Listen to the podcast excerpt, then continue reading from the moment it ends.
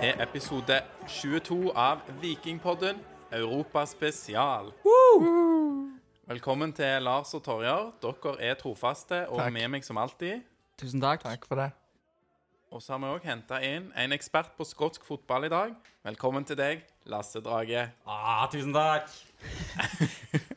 Det er godt å ha deg med oss. eh, Og nå spøker jeg jo litt her i begynnelsen. da Du er jo kanskje ikke ekspert på skotsk fotball, vil være å ta litt hardt i. For vi andre tre er jo det. Ja, det er vi andre Så, er Jeg mister fotball. Jeg, eh, jeg kan det meste. Mister fotball kan eh, mye. Men eh, vi skal prate en del eh, om Viking i Europa. Vi skal òg prate litt om Viking sin eh, motstander Aberdeen. Og vi har faktisk da med oss her i eh, podkasten eh, litt seinere får vi med oss Richard Hay fra podkasten Here We Go, The Aberdeen FC Podcast. Så det blir bra å få med han. Vi gleder oss til det.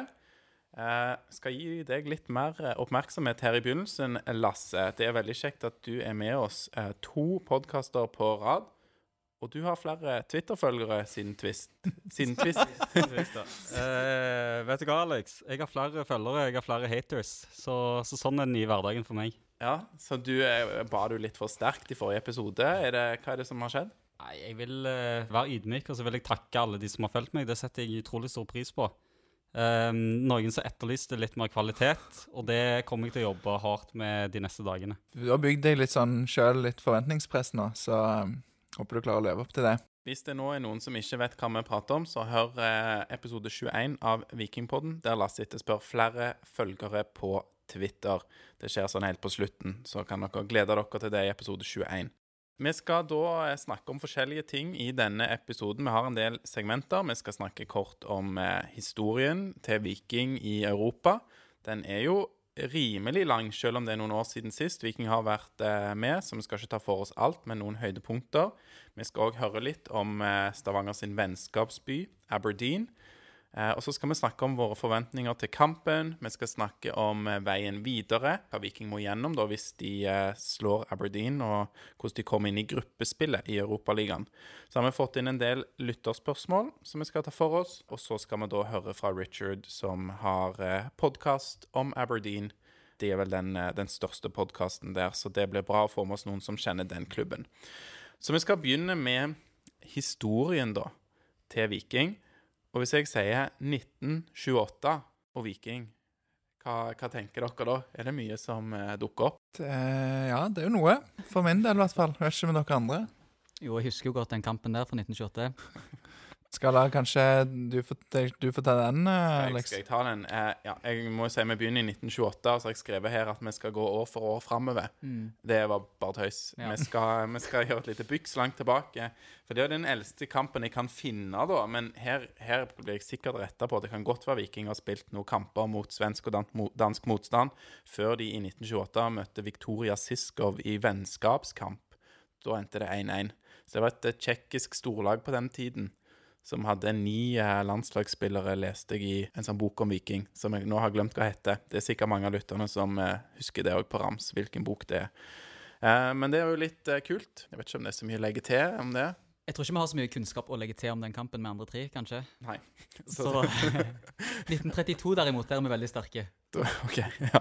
Nei, jeg tror vi bare hopper fram da til 1992, som er et eh, kult år for eh, Viking i eh, Europa. Og da spiller jo Ja. Viking eh, Hva heter det på den tiden? Heter det serievinnercup, eller heter det Champions League? Nå spør du godt. Ja, det, det, Jeg har jo ikke det i notatene mine, men Viking spilte i hvert fall mot Barcelona Ja. Um, i kvalifiseringskamp. Og det endte jo med tap 1-0 til Viking over to kamper.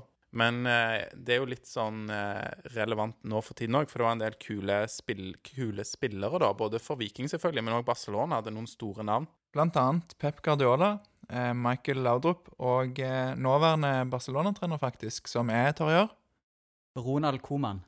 Veldig bra. Men har ikke han eh, godeste Pep òg vært trener i Barcelona? Jo, det er riktig, spilte han òg den kampen.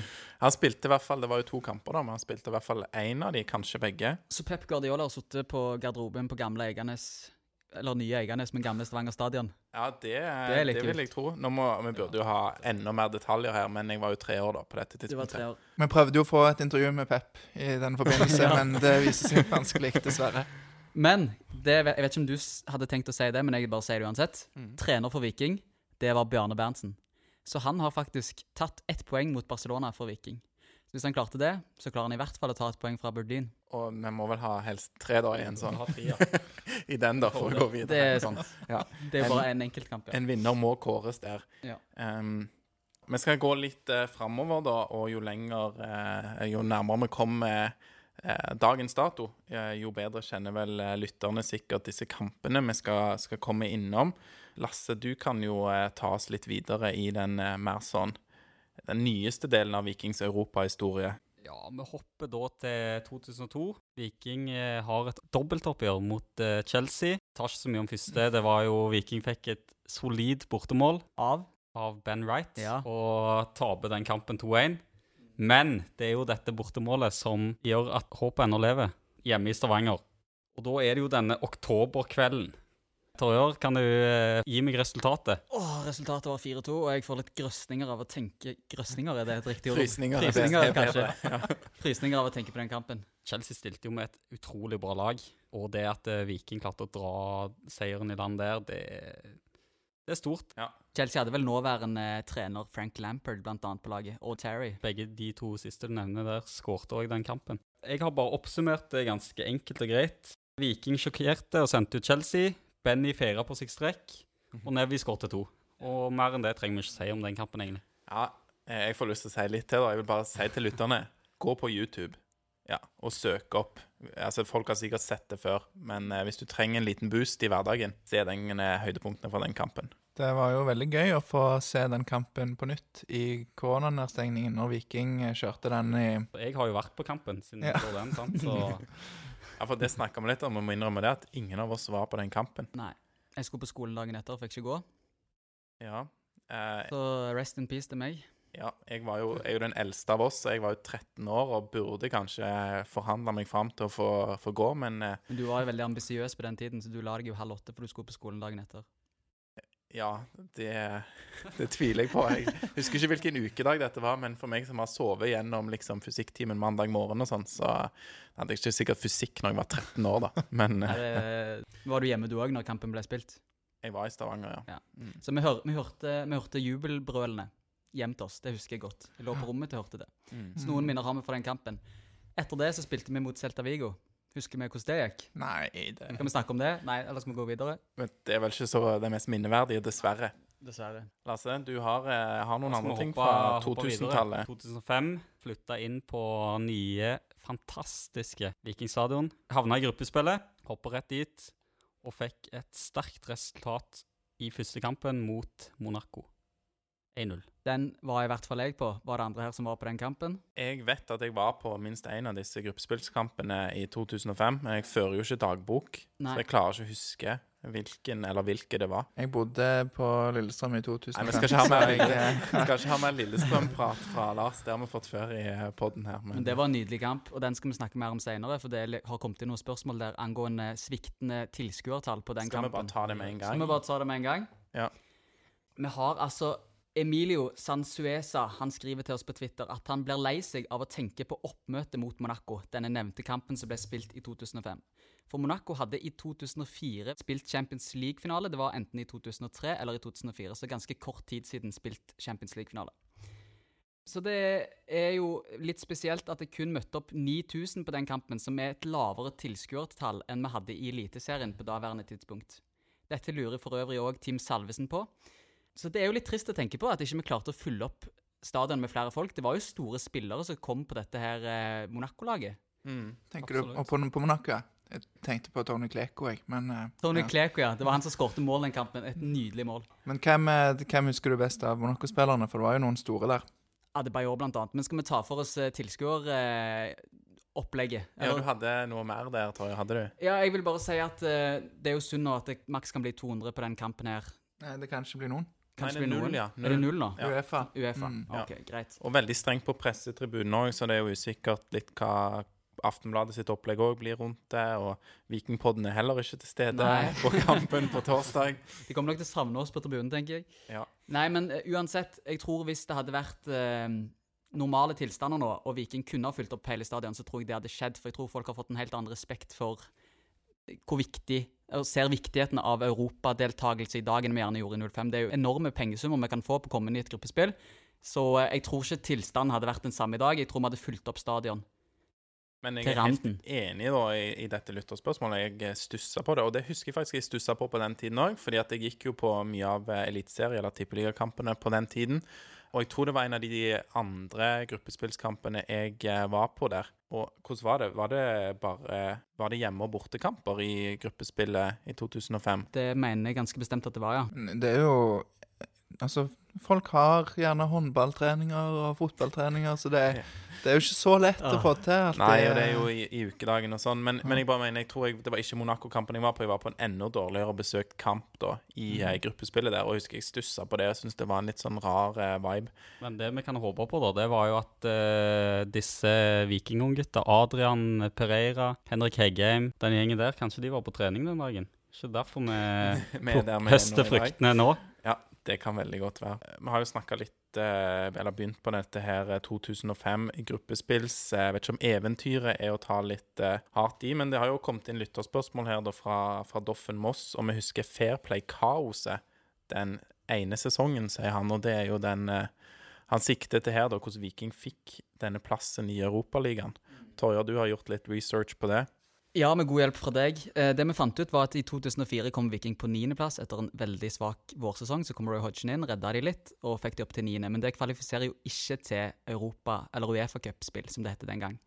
Eh, likevel så fikk Viking det, og grunnen til det er at det var tre lag i Europa som fikk hver sin Uefa-cupplass. Viking fikk Norge sin, og det var fordi de spilte veldig fin fotball. Grisetaklet aldri noen, selv med Trygve Nygaard og Bjørn Dahl på laget. Ikke sant? Hvem skulle trodd?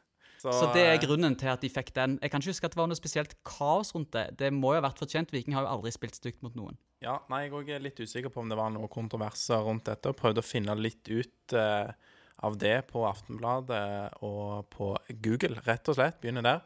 Men uh, hvis noen andre, hvis noen lyttere vet noe om dette, om det var noe kaos eller kontroverser rundt Fairplay-tildeling, og hvis uh, vår oppsummering her er feil, så er det bare å sende oss en melding. Så skal han ikke glemme at dette var en tid der vi hadde Martin Andresen, Casey Wehrmann, Frode Skippe i Eliteserien. Så det at Viking spilte finere enn disse gutta her, det er ikke vanskelig å tro på. Det Skal ikke så mye til, nei. Nei.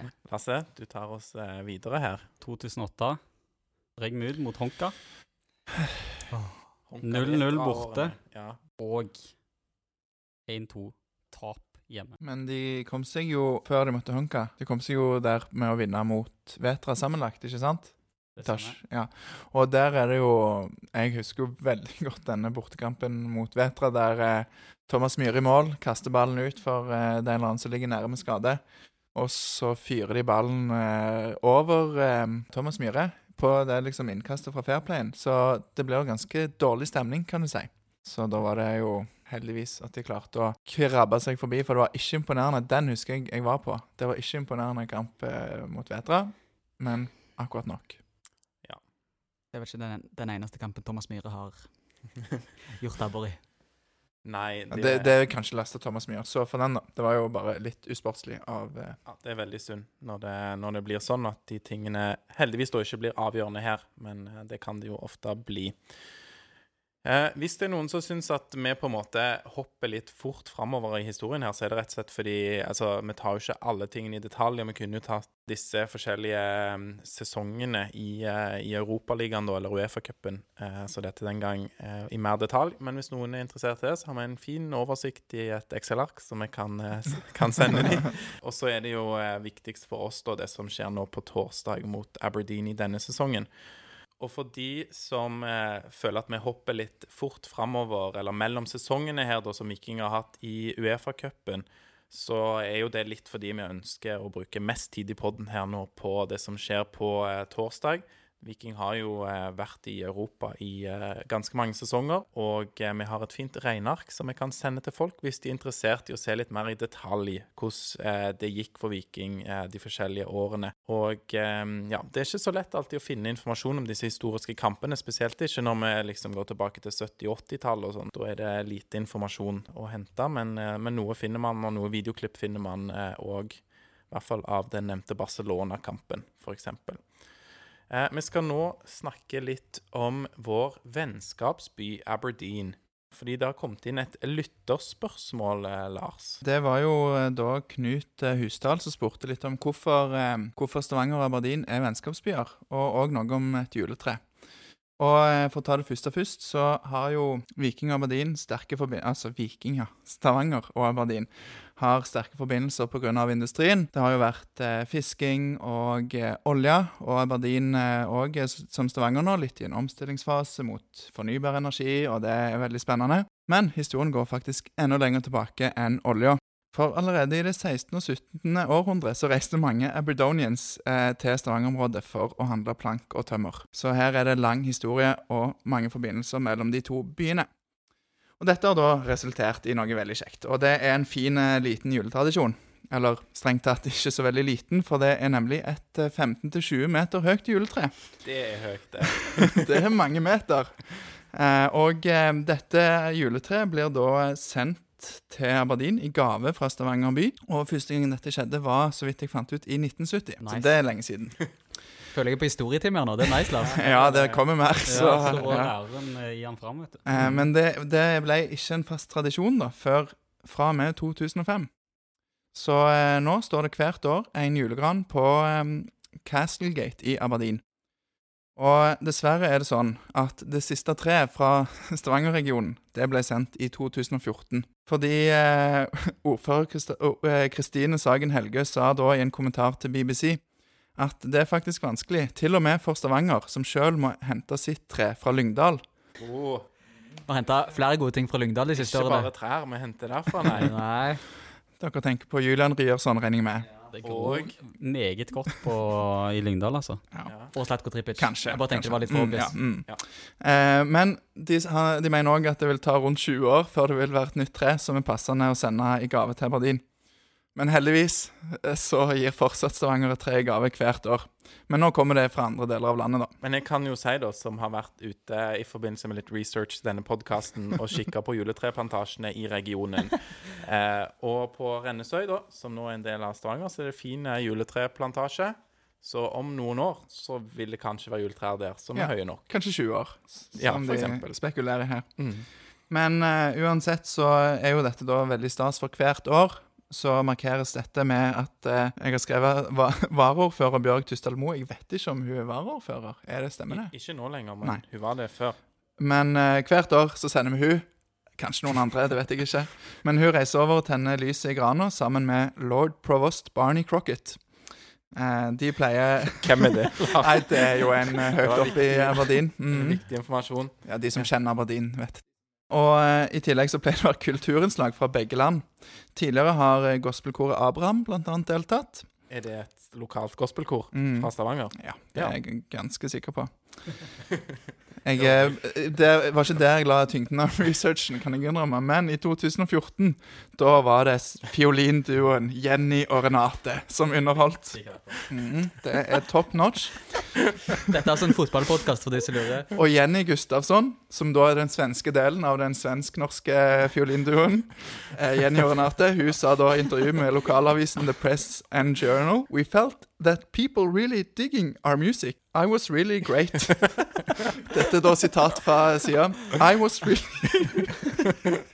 I was really great. All the people that we have met so far in Aberdeen have been really nice.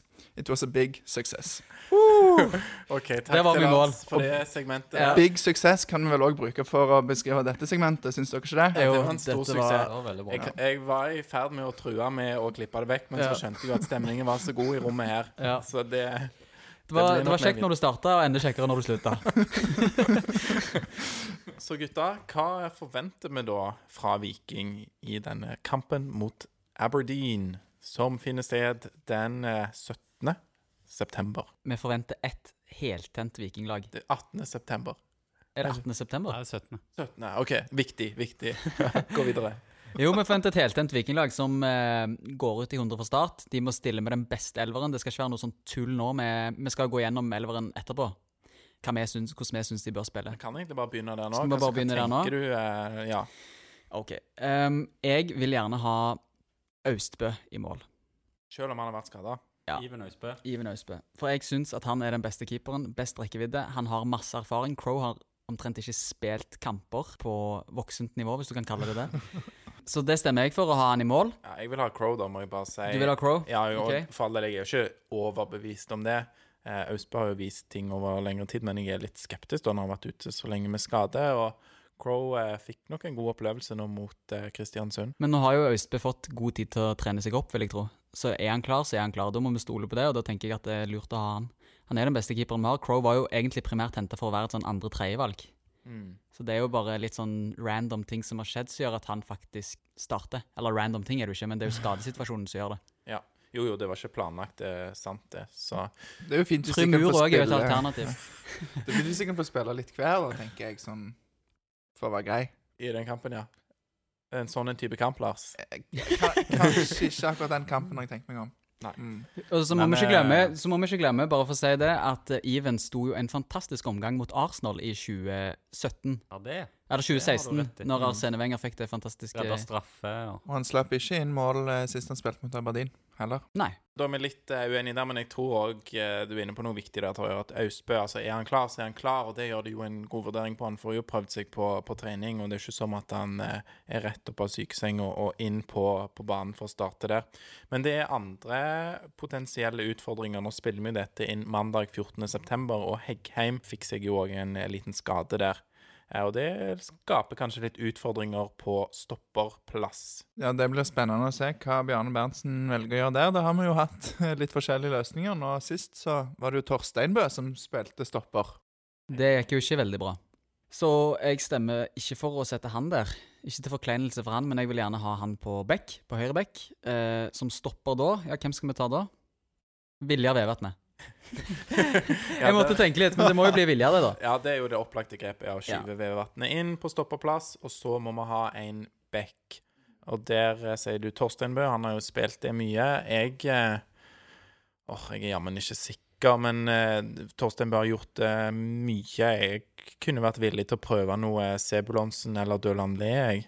Men skal du sette Mm. Sebulonsen og Dølanlé inn i en sånn type kamp på bekk? Det er jo en Det er tolv år siden vi spilte Europaliga sist. Skal du teste ut nye ting i en sånn kamp? Det er jo derfor jeg òg vil ha even, for jeg vil spille på det safe for enhver pris. Vi møter et godt Aberdeen-lag. Men han har jo spilt én kamp på bekken for Viking allerede, så det er ikke helt nytt.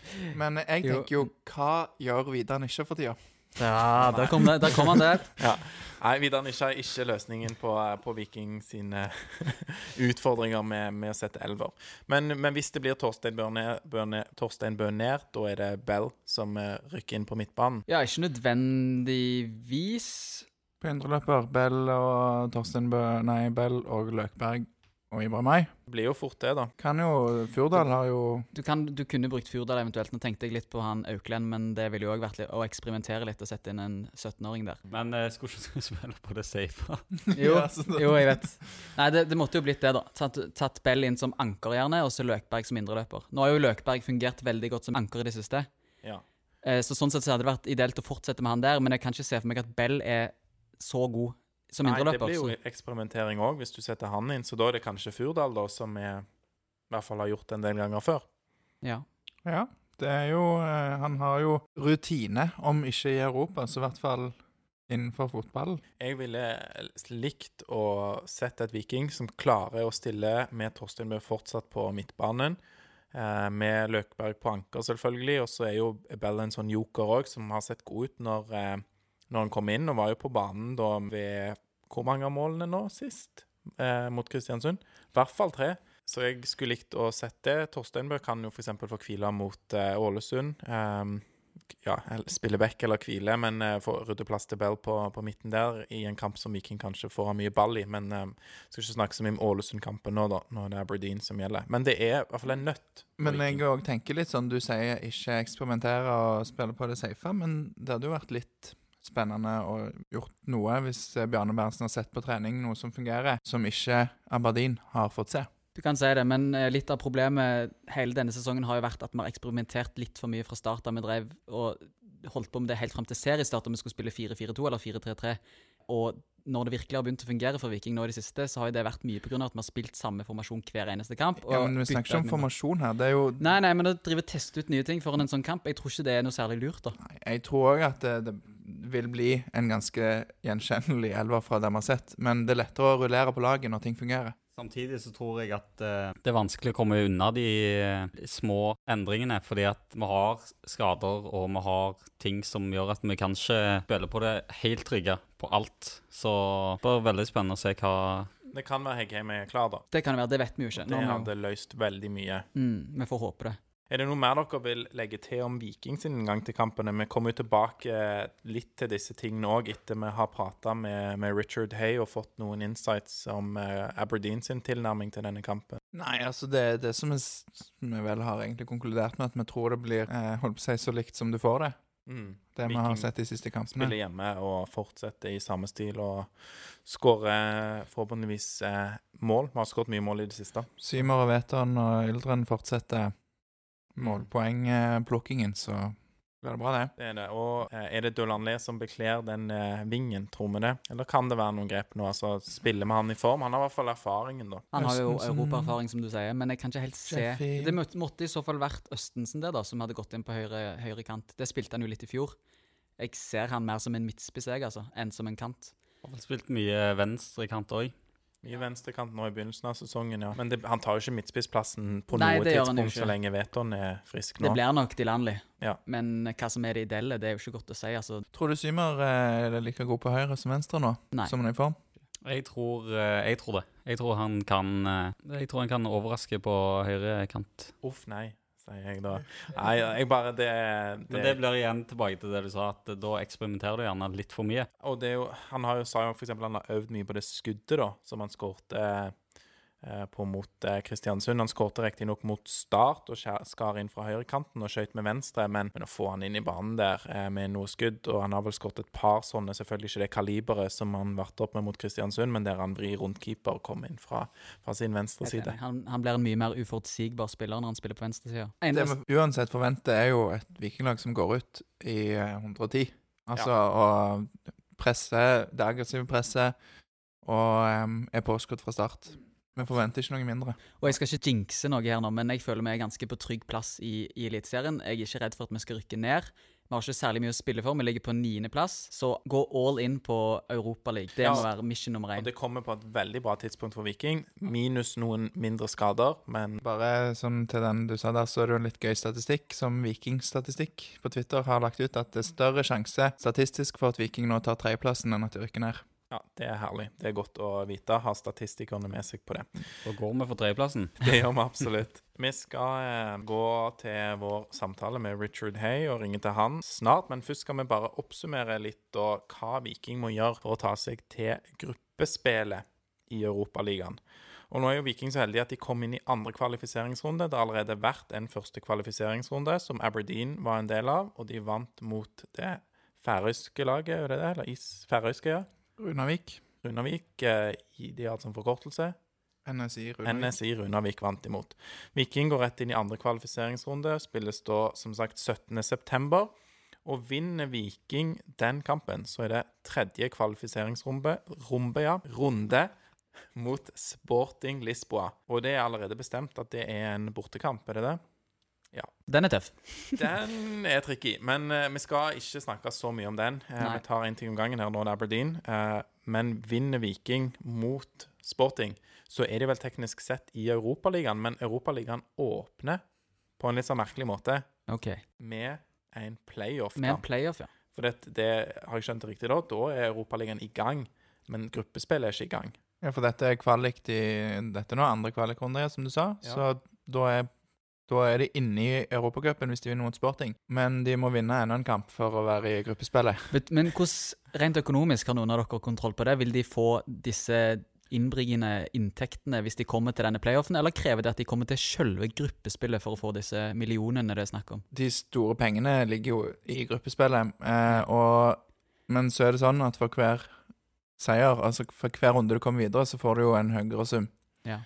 Så s- jeg, eh, Nå husker jeg ikke hvem det var, men jeg så noen som hadde lagt en veldig god oversikt over det på Twitter. Eh, så den som har gjort det, kan jo gjerne dele den i, i, liksom, på Twitter nå, så kan vi se. Ja, vi kan Mm. prøve å spore den opp og retweete den, for det er jo veldig interessant. Og det er klart, i en sånn eh, koronasesong spesielt, så vil det være veldig kjærkommen. Da skal vi gå over til det segmentet som er kanskje det nyeste og mest ukjente for oss, og det er å få noen engelskspråklige inn som gjest. Det er jo veldig kjekt at eh, Richard Hay fra podkasten Here We Go, The Aberdeen FC Podcast, velger å stille opp her og svare på noen spørsmål vi har om Aberdeen. Jeg vil jo bare si da, før vi kjører i gang, til lytterne at hvis den engelske praten, alt det her greiene, er mye å høre på og mye å ta inn, så skal vi oppsummere litt og prate om eh, hva nå enn Richard har å si. Og ja, jeg eh, er litt spent på dette her, eh, hvordan det går. Men, eh, men det er jo kjekt å få det fra noen som følger Aberdeen så tett.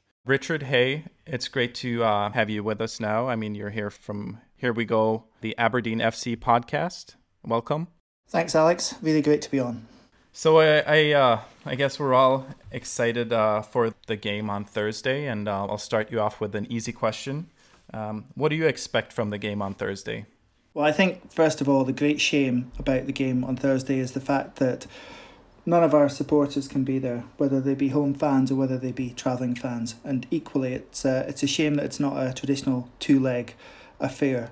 Um, I know that Aberdeen wouldn't be uh, top of the holiday lists for too many um, residents of Stavanger or Viking fans, but uh, just the thrill of being able to follow your club away from home in Europe, it, it's something really special.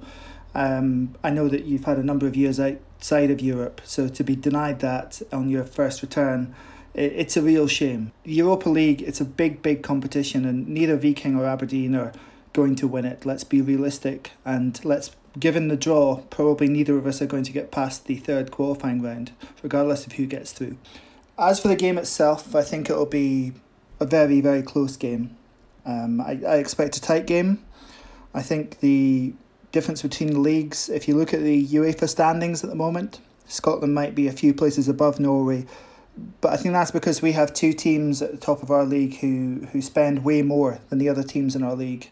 Obviously, it is a one off tie, so it is different from a typical European game, but I do think it's uh, maybe something that does give us a slight advantage because we have obviously qualified for Europe consistently over the past six, seven seasons. And I think it's our greater experience of European football and just our knowledge of going into the unknown, if you will, that can be quite helpful. Um, especially because under the current manager, Derek McInnes, I think the teams he's built are quite suited playing away from home.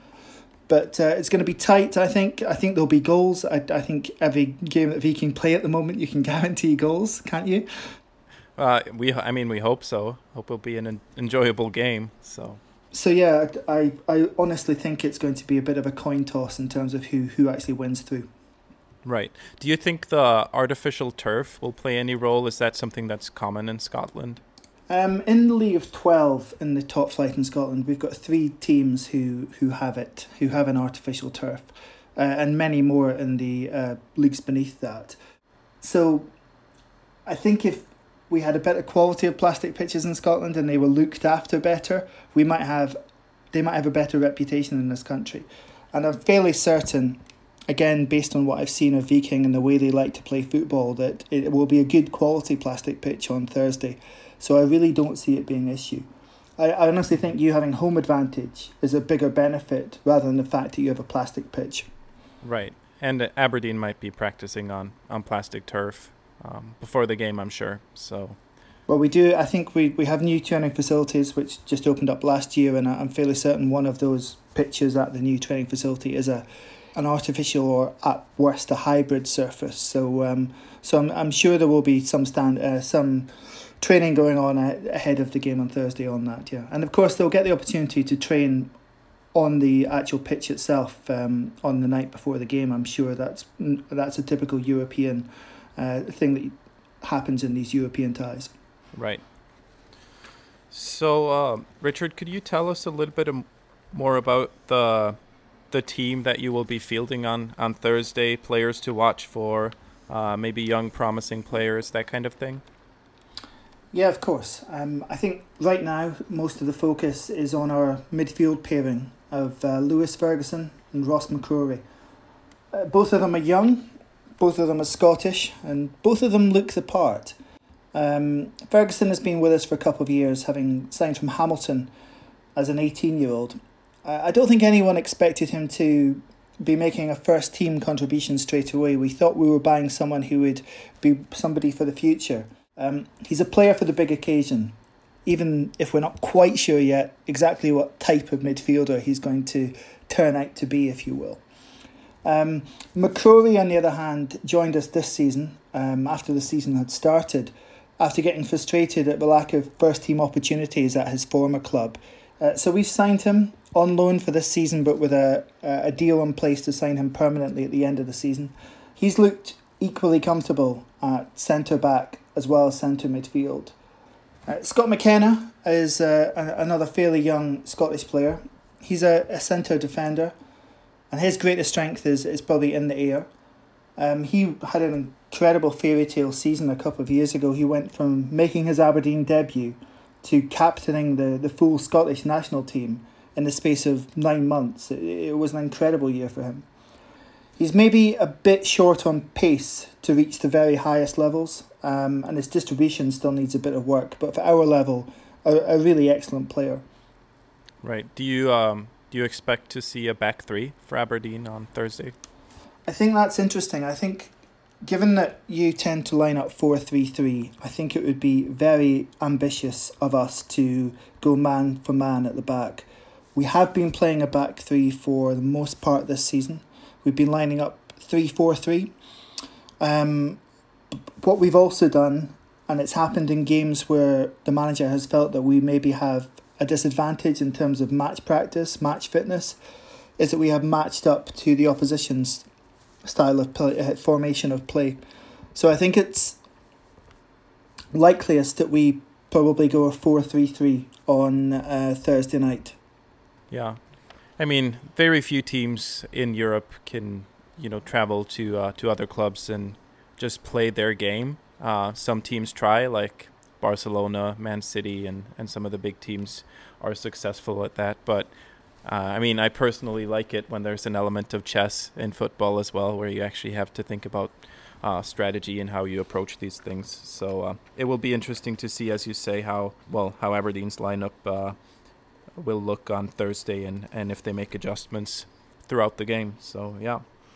Um, so I'm, I'm wondering a little bit about uh, challenges that Aberdeen have been facing recently, and I, I especially uh, noticed Sam Cosgrove's injury. Do you think that will how has that affected Aberdeen at all? I mean, I know you've been successful in the league so far, but maybe not scoring a lot of goals.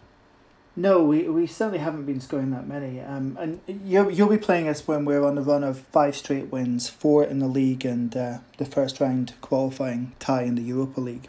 Um, but after the first game of the season, we were in a totally different place um, as we are now. We had a very, very disappointing display and defeat on the opening day. We faced Rangers at Pittodrie and we created nothing.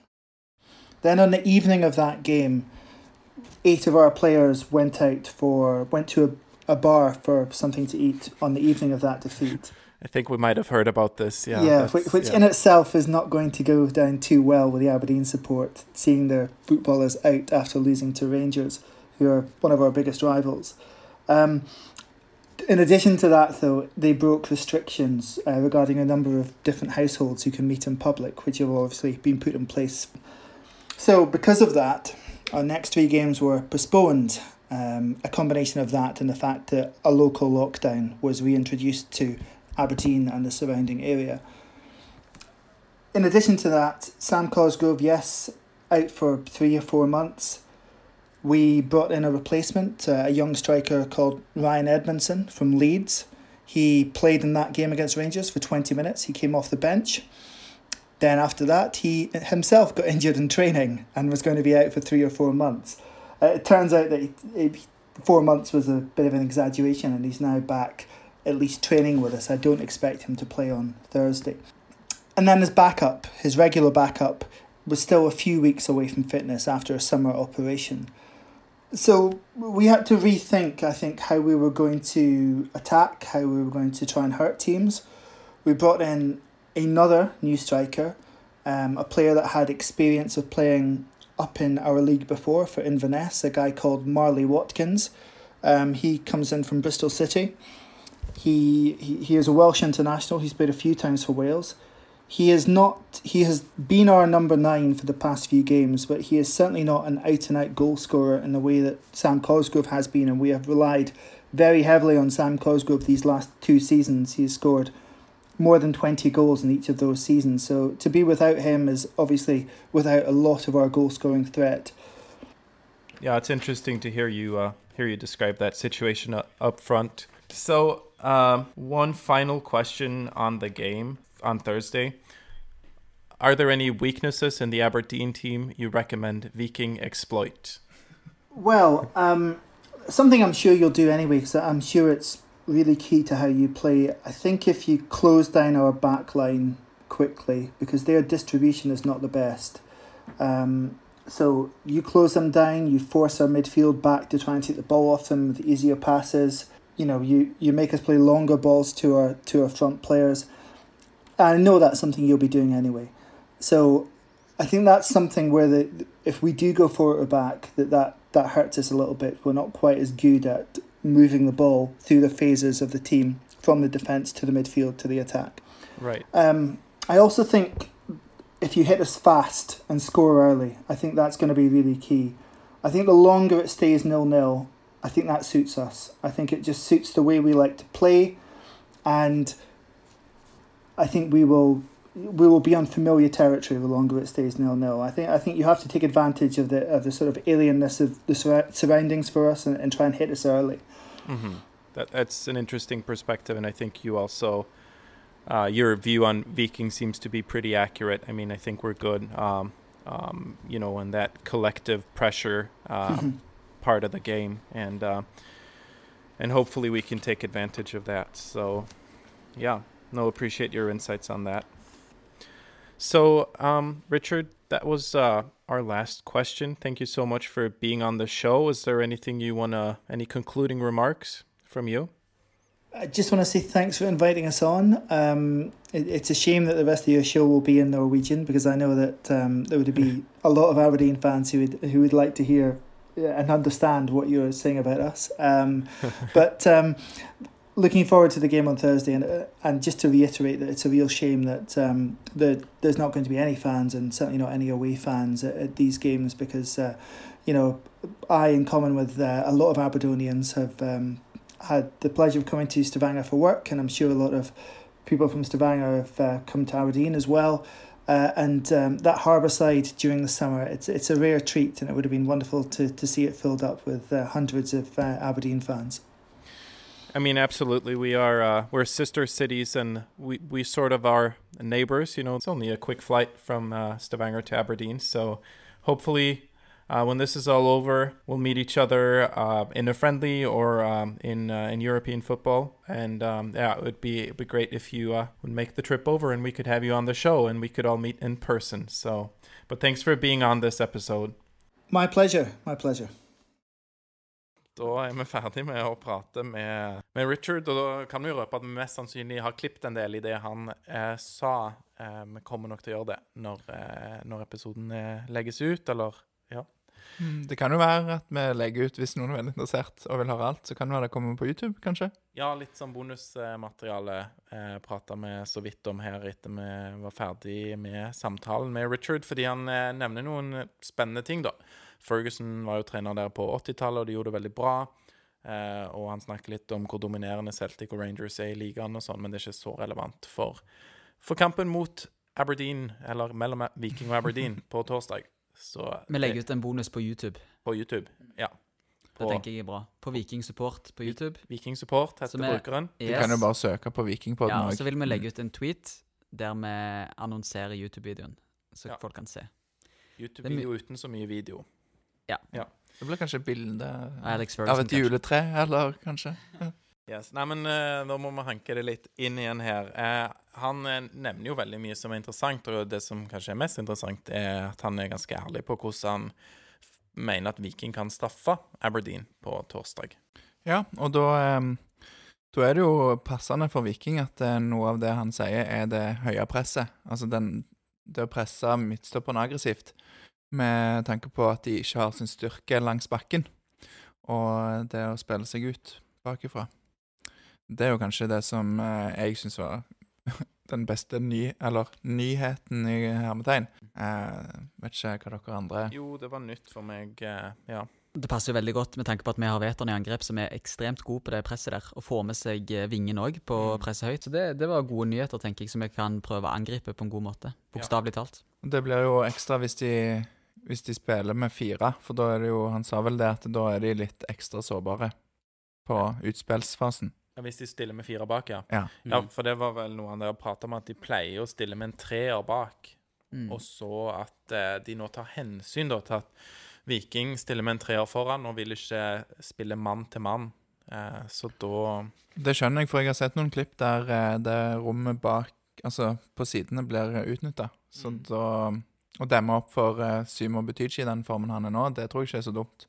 Nei, så det er jo fint at de kommer til eh, Mistenker han, da. At de kommer til Viking eh, og spiller litt sjakk og tar hensyn til hva Viking gjør. Ja, er det fint for Viking?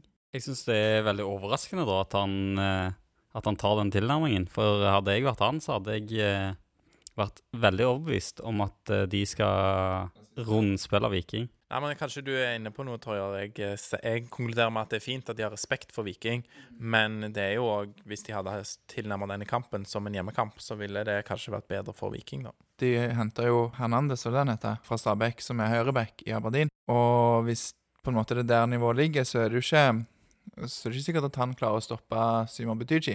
Eh, og med tanke på at midtstopperne deres har sin styrke i lufta, så er det jo bra at ikke det er liksom eh, det main eh, Angrepsvåpen nummer én Ja. for eh, Vikings angrepstrio er ikke hodespillet, nei.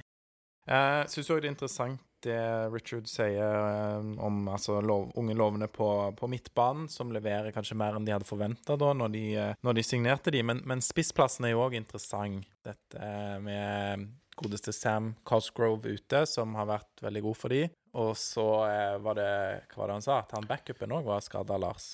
Ja, sånn jeg eh, klarte å høre det i mine, eh, mine hodetelefoner, så var det at de henta inn da en eh, for å erstatte Cosgrove eh, som hans backup, og så spilte han vel én eller to kamper, og så ble han òg skada. Så nå er det et tredjevalg som da heter Marley Watkins, er det det? Det var i hvert fall Watkins, ja. Watkins. Og han er har haddak nummer 50, og det sier vel litt om at det kanskje ikke er første valget på, på spissplass. Men eh, det kan jo han har valgt det. Men, men det gjør jo litt at de måtte finne nye måter å straffe lag på, snakket han om. Og det Altså, jeg tror Viking skal være glad for det at eh, Cosgrove ikke eh, spiller. Han eh, virker som en veldig god spiss og har et godt målsnitt for Aberdeen. 20, over 20 mål de siste sesongene. Så det, han sa vel det var han de hadde satt sin lit til. Og Tett oppunder et halvt mål per kamp i snitt. Så nei, uh, Marley Watkins, hvis du beskriver Altså, jeg husker ikke helt hva han sa nå, men hvis du begynner å snakke om på en måte at han er god i det, var det det relasjonelle, eller at de måtte finne alternative måter å bruke han på, og sånn, og prøvde å vri det til en positiv, så håper jeg at det vil egentlig si at det, de har en utfordring på spissplass. Er det, er det noe mer uh, insights vi har uh, fått uh, der? Han mente at kunstgress ikke var noen stor ulempe. Nei, han sa det at de har litt kunstgress i Skottland òg, så det er ikke helt ukjent for dem. Ja, i skotske ligaen òg. I skotske ligaen også var det tre lag som hadde det, sånn som jeg skjønte det. Um, dårlig rykte, da. Dårlig rykte. Det er jo motstandere som har pleid å bruke det til sin fordel ved å f.eks. la være å vanne banen og stille med gamle kunstgressmatter. Det gjør jo ikke Viking. Vi er jo en fair... Uvanna. Hæ? Uvanna. Mm. kunstgressbaner. Det gjør ikke Viking. Vi er jo en klubb som spiller fair play og stiller med en god kunstgressmatte. Men det som er vår fordel, er jo at vi har hjemmebane, og han mente at det ville spille en større rolle enn selve underlaget på gressmatten. Vikings gressmatte er jo ny og god, og Viking spiller en fotball som det ikke lønner seg å ha tørr, da. Altså ha tørr bane. Er det noe mer vi skal si da etter samtalen med Richard, før vi går eh, løs på noen lytterspørsmål her? Vi takker for at han var med. Ja. Mm. Det er solidarisk. Så, Takk skal du ha, Richard, hvis du hører på dette. Mm. Så takk for at du var med. Da går vi her på noe lytterspørsmål, og vi har allerede vært innom eh, noen. Ja, vi nevnte vel kanskje ikke dette fra Christian H98, gjorde vi det? Om eh, formasjonsspillere, men det har vi jo sagt litt om hvordan vi tror Viking vil eh, stille og spille. Men eh, ja. Det er, et, eh, det er jo kanskje det viktigste spørsmålet Christian Mhm. H98 stiller der før den kampen, men den har vi vel dekka. Så vi snakket litt om eh, eh, Monaco og fra 04, så det tar vi heller ikke nå. Men eh, Lars, du skal Om eh, Det er fra Henrik eh, Greve på Twitter, som spør hva vi tror om Sporting Lisboa. Der var jo han ganske klar, Richard, at det, uansett om Aberdeen eller Viking vinner, så er det en tilnærma umulig oppgave. Omtrent, var vel ordet hun brukte. Men ingenting er umulig. Nei, vi har, eh, har troen på at det kan skje ting òg hvis Viking skulle ta Aberdeen. Jeg er jo litt sånn, jeg kvier meg ofte for å forskuttere eller liksom tenke det steget, da. Eh, nå er det først en oppgave på torsdag, men eh, det er òg en sånn rar sesong, ikke sant, med covid, og man vet aldri hva som spiller inn, og Plutselig er det gutter 17-laget til Sporting som må løpe utpå der. Men eh, det blir jo en veldig vanskelig utfordring. Og tar vi Sporting Lisboa, så, så er det vel omtrent like sensasjonelt som sist gang Viking slo Sporting Lisboa. Torjer, du har eh, et eh, sånn eh, spørsmål her, anekdote, Det er en sier du. an anekdote, så det er så fint heter. Nylig avgjorde NFF at årets cup vil bli avlyst. Det medfører at Viking blir stående som regjerende me- norgesmestere òg i 2021. Det er vi glad for. Ja, det er fint. Ja. Det er Så det kan, vi, det kan vi like. Men betyr det da at Viking fortjener å få europakvalikplass to år på rad? Uten tvil. Ja, Ja. det er vel ikke så mye å diskutere der. Regler er regler. Men, Regler er regler. men du Nå hadde jeg forventa litt motstand her. Da, Ja, så vi jeg- jeg, jeg, jeg jeg. Takk skal men du ha. du vet, når Viking tar den tredjeplassen uansett, som vi snakket om i stad, så er det ikke Så trenger det ikke være en ting å diskutere engang. Men du er jo uenig? Jeg, jeg er uenig. Jeg, Ja. vet, vet du av um, tegn dere bildet i, i hodet nå. Tenk dere at dette her skulle skjedd med Rosenborg, f.eks. Og de får uh, plass to år på rad. Mm. Det hadde klikka for folk. Ja, men dette Ja, men er eh, det er forståelig covid, vet du. Det Det er jo heldigvis ikke Rosenborg som er i denne situasjonen, men eh, kan jo si at det kan jo være at det ikke blir sånn, da. At de finner en annen løsning på det. Det frykter jeg jo da. Men, men en sånn type sånn kvalifisering, et eller annet, at Viking får en liten sjanse. Men, og det har jo vært diskutert å ha en sånn der Man kan jo kalle det en, blir jo en slags kvalifisering hvis man har en sånn hurtigcup på våren. Jeg tror vi går eh, videre der, og da skal vi ta eh, noen eh, Ja, hva er det det er her, da? En, en fun fact til slutt? Ja. Ja. kanskje ikke bare én engang. Eller Den første er vel mer en fact enn en fun fact. og det er at eh, Aberdeen har en 100% seiersrekke mot Real Madrid. Det er jo en litt sånn scary fact, ville jeg sagt, hvis du tenker Ja. på at vi skal møte dem snart. Det er Skremmende. Det er skremmende. Men det er nok lenge siden de har møtt dem. Dette var det Knut Husdal som ga meg. Alle disse funfactene kommer fra Knut Husdal. Vi er veldig takknemlige for det, Knut, at du brukte tid på å gi oss dette. Den andre er litt mer fun. Kanskje ikke så fun, men uh, mer fun enn den første. Og det, Kanskje lytterne kan få avgjøre hvor ja, fun de det kan er. jo Ja. avgjøre det. Hjemmebanen til Aberdeen var første stadion i verden som fikk trenerbenk. Heldige Mm, trener. ja. Det, ja. Tror vi på det? Um, det er jo Knut som sier det Knut. så det må jo Ja, Knut, kunnskapsrik. eh, Men eh, det med Real Madrid, jeg vet ikke hvor mange kamper de har mot dem, men det var jo de de vant mot i cupen i 1983, så det er jo klart at det er òg en kul kamp for de å se tilbake på, da. En uh, liten digresjon. Norge har heller aldri tapt mot uh, Brasil. Eller Real Madrid eller Barcelona. Nei. Nei, det er et godt Så poeng. Jeg tror kanskje vi tapte mot Brasil for noen år siden. At vi mista den. Ja, vi hadde den i hvert fall lenge. Jeg husker Ja. ikke, jeg. Nei, eh, men Nå er det høyt, høyt nivå. Siste og mest funne fun facten det er at ikke jeg har flere fun facts igjen, ser jeg nå. Jeg hadde bare to. What? Ja, du Ja. snakket om alle fun factsene, så jeg lurte på hva den eh, tredje skulle være. der. Ja, men eh, godt det er poeng. greit. Men da eh, er vi vel eh, ved veis ende. Vil dere legge til noe? Vi kan legge til at Viking vinner 2-1 på torsdag. Ja, resultattips, Ja, ja. vi må, Det jo, vi må jo eh, gi eh, Det var ikke en som Henrik ville ha Henrik Greve ville ha det. Så Da eh, skal jeg ta den, Aleksander. Alexander. Jeg skal ta den eh, Jeg tror det blir en litt sånn kjedelig fotballkamp der Viking vinner 3-0. 1-0. 1-0. Ok. 3-0 og kjedelig kamp. Ja, det er kjedelig. jeg Uff. Nei, jeg tror at eh, Viking vinner 2-0 og er klart best. OK? Jeg tror på en målrik eh, 4-1-seier til Viking. Å, herlig. Jeg håper du har riktig, Lasse. Da vil vi bare si takk for at folk var med oss her i eh, Europaspesial, episode 22 av Vikingpodden. Følg oss gjerne på Instagram, Twitter. Eh, send oss innspill eh, eller spørsmål òg der. Vi heter Vikingpodden på begge de sosiale mediene. Du kan sende oss e-post på vikingpodden at gmail.com. Og så snakkes vi igjen. Det vil jeg òg si. Vi snakkes igjen etter Ålesund-kampen. Det blir ikke noen episode etter Aberdeen-kampen, men vi oppsummerer den og Ålesund-kampen på søndag. Så da, avslutningsvis, sier vi bare én, to, tre Heia Viking!